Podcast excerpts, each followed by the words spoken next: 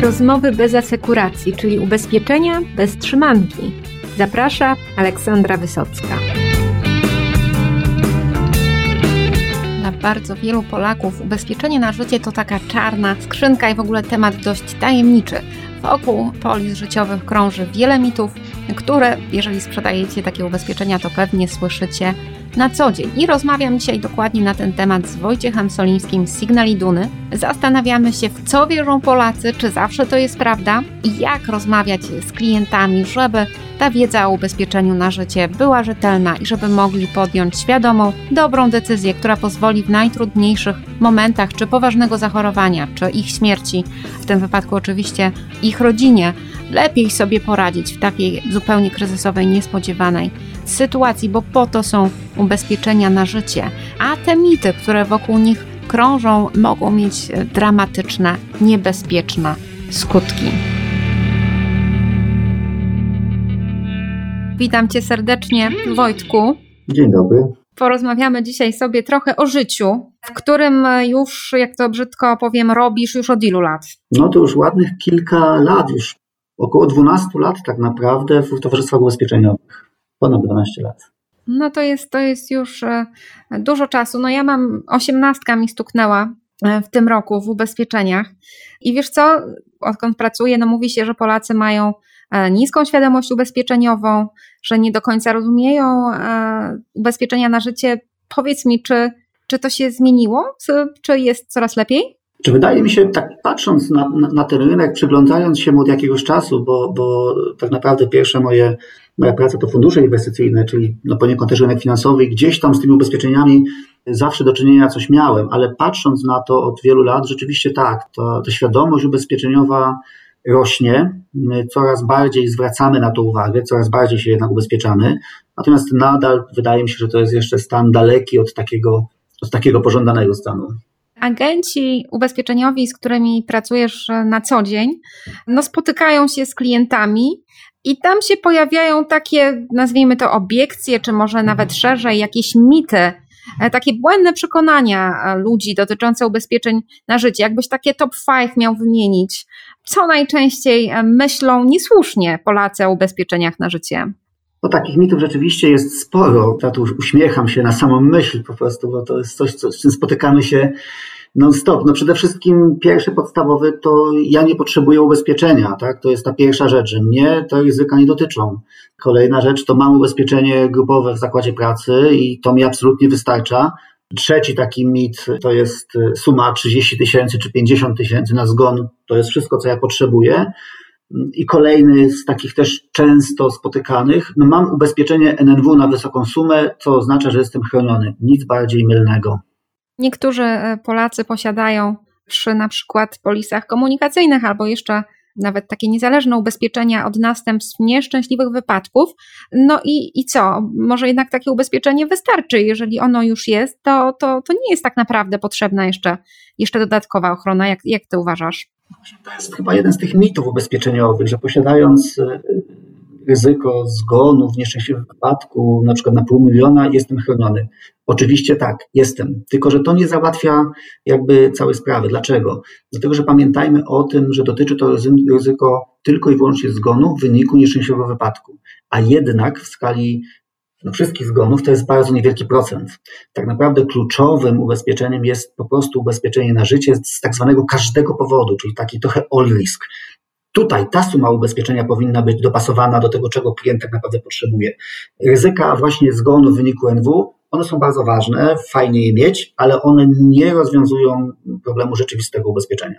No i rozumiem, że podobnie jest z tą kwotą, o której wspominałeś, na przykład 50 tysięcy w ubezpieczeniu grupowym, gdzie no te, można to uznać, że to niby jest dużo, ale faktycznie no nie pozwoli tej rodzinie zbyt długo sobie poradzić po zgonie jednego członka, jednego z żywicieli, prawda? Dokładnie tak. Znaczy, ja w ogóle jestem zwolennikiem posiadania ubezpieczeń i oczywiście dużo fajniej jest, żeby mieć jakiekolwiek ubezpieczenie niż go nie mieć, ale też osoby, które posiadają tylko i wyłącznie takie ubezpieczenie grupowe, zachęcam bardzo mocno, żeby, żeby zastanowiły się, czy to 50 tysięcy rzeczywiście wystarczy, czy te 50 tysięcy jak długo pozwoli im funkcjonować od strony ekonomicznej, pokryć te wszystkie zobowiązania, które się pojawią i czy nie warto jednak dokupić sobie jakiejś dodatkowej sumy ubezpieczenia, żeby poczuć się poczuć się po prostu dużo bezpieczniej i pewniej. No i jak e, agent może, może na takie obiekcje e, rozmawiać? Ty szkolisz bardzo dużo i powiedz mi, co podpowiadasz agentom i też co słyszysz z ich praktyki, że w tego typu sytuacjach można zrobić, żeby no, zmienić klientowi jednak e, jego percepcję? Czy warto przede wszystkim uzmysłowić klientowi, czym jest ubezpieczenie, po co jest ubezpieczenie? Warto odnieść sytuację klienta, rzeczywistą taką sytuację klienta, do tego, jakie to ubezpieczenie powinno być, czyli szeroko rozumiana analiza potrzeb. Ja wiem, że to jest taki wyświechtany, można powiedzieć, wyświechtane określenie, że analiza potrzeb wszystko załatwia, ale to tak naprawdę jest. Rozmowa z klientem, dokładnie wysłuchanie, bo to o to chodzi, wysłuchanie klienta, jaka jest jego sytuacja, jak on żyje, jakie ma zobowiązania, czy ma rodzinę, to wszystko powoduje, że na tej podstawie agent jest w stanie rzeczywiście oszacować taką realną, pożądaną sumę ubezpieczenia. Natomiast no, no pierwsza rzecz oczywiście i pierwszy mit to jest to, że mnie to nie dotyczy. Niestety statystyki śmiertelności pokazują, że dotyczy to nas wszystkich. Dziennie ponad tysiąc osób w Polsce umiera na różnego rodzaju choroby. To niestety nie jest tak, że ja jestem wypadko czy chorobotporny. Mam takie samo ryzyko jak każdy inny obywatel mieszkający w tym kraju, więc to trochę wynika z tego, że my jako ludzie generalnie odsuwamy od siebie wszystkie takie złe rzeczy, które mogą nas dotykać. Tak? Wszystko może zdarzyć się, nie wiem, sąsiadowi, ale nie mnie. No to jest, to jest nie do końca prawda. To ryzyko jest dla mnie dokładnie, dokładnie takie samo. Czyli czujemy się ciągle tacy niedotykalni przez złe wydarzenia. No teraz może ta obecna sytuacja no tak niektórzy oczekiwali, że, że COVID będzie taką szkołą i że e, uwrażliwi na, na, na ryzyka zdrowotne czy życiowe. No i różne są tutaj badania, do mnie trafiają na rynku ubezpieczeniowym. Jedne, że owszem, Polacy częściej pytają o ubezpieczenia na życie, o ubezpieczenia zdrowotne, no a drugie, że jednak tak troszkę to by wynikało z tego, co ty mówisz, że, że pomimo nasilenia różnych negatywnych zdarzeń, ciągle bardzo wiele osób woli pozostać przy tym swoim przekonaniu, że mnie nic nie spotka. Jak to wygląda wśród Waszych klientów? Czy widzicie zwiększone zainteresowanie ochroną życia i zdrowia? Rzeczywiście tak jest, że Polacy coraz częściej o to pytają i ta sytuacja covidowa, ona chyba pomoże w tej świadomości, dlatego że pandemia covidowa już jest, jest tak szeroka, że coraz częściej osób jednak w swoim bezpośrednim otoczeniu ma styczność z kim, kto chorował na tą chorobę często ma styczność z kimś, kto bardzo ciężko tą chorobę mm, przechodził, więc ta świadomość podejrzewam zostanie trochę wzmocniona tą sytuacją. Natomiast no, co do zasady jest tutaj taki paradoks, że my odsuwamy od siebie te wszystkie ryzyka, a to powoduje, że zakup ubezpieczenia jednak powinien być trochę prowokowany, wywołany przez agenta. Tak naprawdę rozmowa z agentem, ona wzbudza tą potrzebę ubezpieczeniową. Ta rozmowa agenta oparta o APK, czyli o tą analizę potrzeb, Czyli tak naprawdę w tym jakby mieści się kwestia wysłuchania tego klienta, co on ma w tym swoim życiu, z czym on się spotyka na co dzień. I to powoduje, że agent, mając te informacje, jest w stanie wzbudzić taką potrzebę, uświadomić taką potrzebę ubezpieczeniową, no i wówczas możemy już wtedy dyskutować sobie z tymi pozostałymi mitami typu właśnie wystarczająca suma to 50 tysięcy na zgon, albo ubezpieczenie grupowe w zakładzie pracy, albo wysoka suma NNW na zgon komunikacyjny załatwia mi kwestię ubezpieczenia. Wtedy jest to dopiero podstawa do dalszej rozmowy z klientem. A jaka suma ubezpieczenia jest, jest właściwa? Jak, jak do tego się, się profesjonalnie zabrać, żeby to obliczyć? No, jest kilka tak naprawdę szkół i metod obliczania takiej sumy. W dużym uproszczeniu, żeby też nie zanudzić naszych, słuchaczy, w dużym uproszczeniu najprościej sumę ubezpieczenia odnieść do dochodów osiąganych przez danego klienta. Dlaczego? Dlatego, że tu należałoby zapytać, czym jest ubezpieczenie i jaka jest istota ubezpieczenia. Fakt, że ja posiadam ubezpieczenie, nie powoduje, że ja jestem, nie wiem, wypadkoodporny czy choroboodporny. Ubezpieczenie tak naprawdę nie chroni mnie przed tym, że coś mi się stanie, czy też mi się nie stanie, ale ono ma ochronić mnie przed ekonomicznymi konsekwencjami takich zdarzeń. Weźmy najbardziej dramatyczną sytuację, czyli zgon bliskiej osoby. No, spójrzmy na to od strony ekonomicznej. Nie da się wycenić straty, emocjonalnej straty drugiej osoby, ale da się wycenić, co taka strata spowoduje w budżecie domowym. I teraz, jeżeli mamy małżeństwo, zarabiają, żeby łatwo było może liczyć, po 3000 zł miesięcznie, jedna z tych osób odchodzi, no to okazuje się, że w naszym budżecie domowym brakuje 36 tysięcy rocznie. Przyjmuje się, że rodzina po stracie bliskiej osoby potrzebuje nawet do około 5 lat żeby stanąć na nogi od strony ekonomicznej. Czyli w ten sposób patrząc, takie proste ubezpieczenie powinno powiedzmy odpowiadać pięcioletnim zarobkom danej osoby. Oczywiście do tego należałoby doliczyć jeszcze kredyty różnego rodzaju, które często w przypadku zgonu osoby są postawione do automatycznej spłaty od razu. Wszystkie zobowiązania, które tak naprawdę mamy, ale to już jest właśnie ta dłuższa rozmowa z agentem, dlatego ja uważam, że warto z tym agentem porozmawiać szczerze o swoich finansach, o swojej sytuacji, bo to finalnie da nam ubezpieczenie, które rzeczywiście będzie adekwatne do tego, czego ja potrzebuję. Innymi słowy, ten klient płaci za coś, co jest rzeczywiście dla niego ważne i potrzebne, a nie za coś, co jest tylko ozdobnikiem. A co jest dla agentów e, najtrudniejsze podczas właśnie analizy potrzeb? Jakie byś miał tu dla nich sugestie, na co powinni zwracać uwagę i jak do tego podejść, żeby klient właśnie się otworzył, żeby do tych trudnych tematów w ogóle doszło w rozmowie? To jest duża trudność, bo, bo co do zasady taka rozmowa dotyczy sytuacji dla klienta niemiłych, no bo rozmawiamy o, o ryzykach zgonu, o ryzykach jakichś poważnych chorób. Nikt nie lubi o tym rozmawiać, to, to, to naturalna rzecz. Wydaje mi się, że po prostu trzeba przełamać i uczciwie powiedzieć, drogi kliencie, no rozmawiamy o zabezpieczeniu Twojego życia, wobec powyższego rozmawiamy o trudnych tematach, ale ta rozmowa ma na celu właśnie zabezpieczenie się przed takimi konsekwencjami ekonomicznymi różnego rodzaju zdarzeń losowych. Druga rzecz, to śmieję się teraz sam do siebie, bo pamiętam swoją historię, zwłaszcza młodzi agenci mają taką tendencję do dużej ilości słów.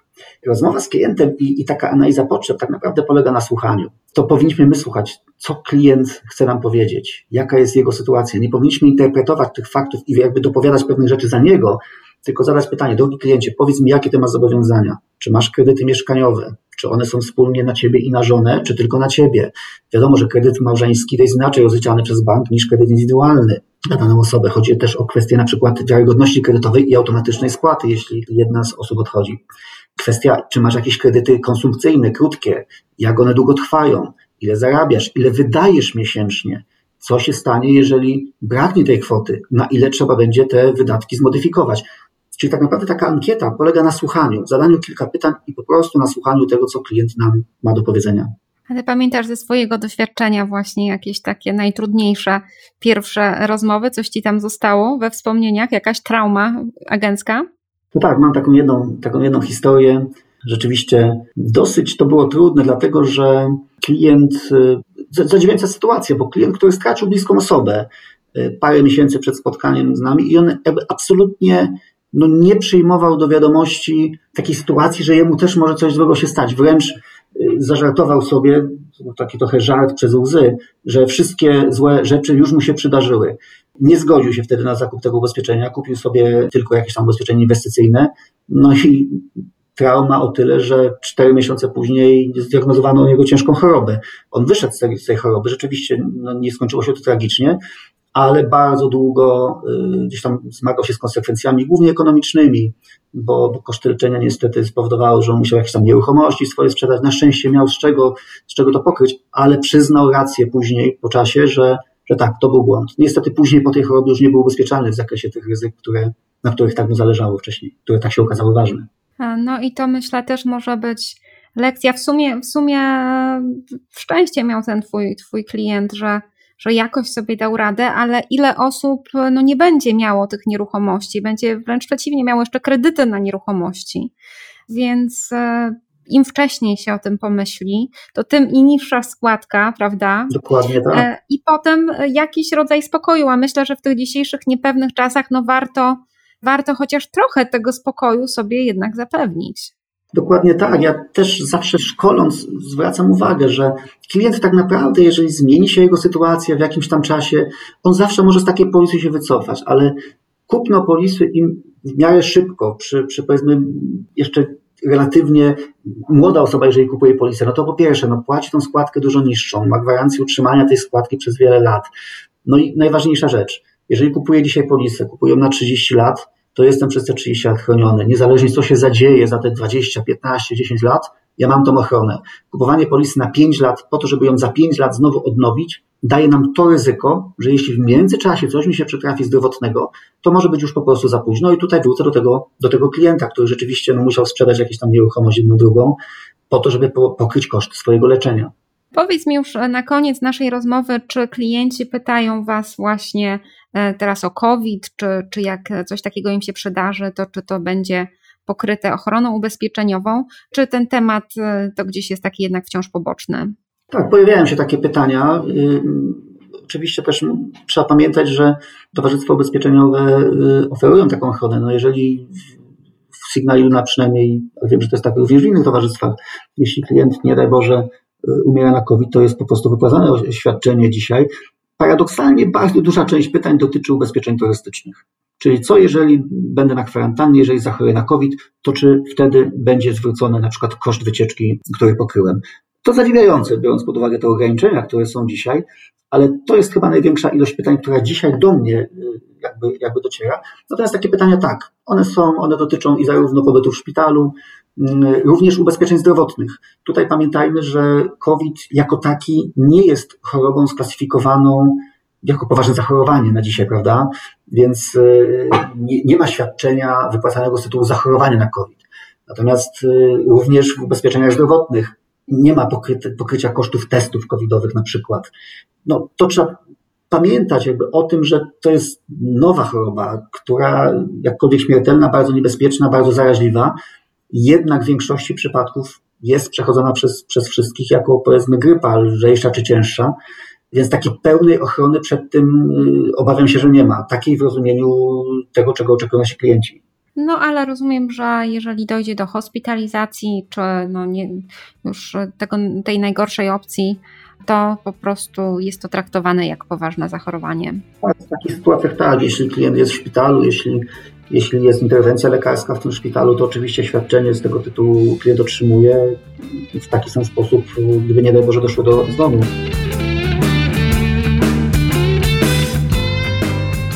Dziękuję za dzisiejsze spotkanie.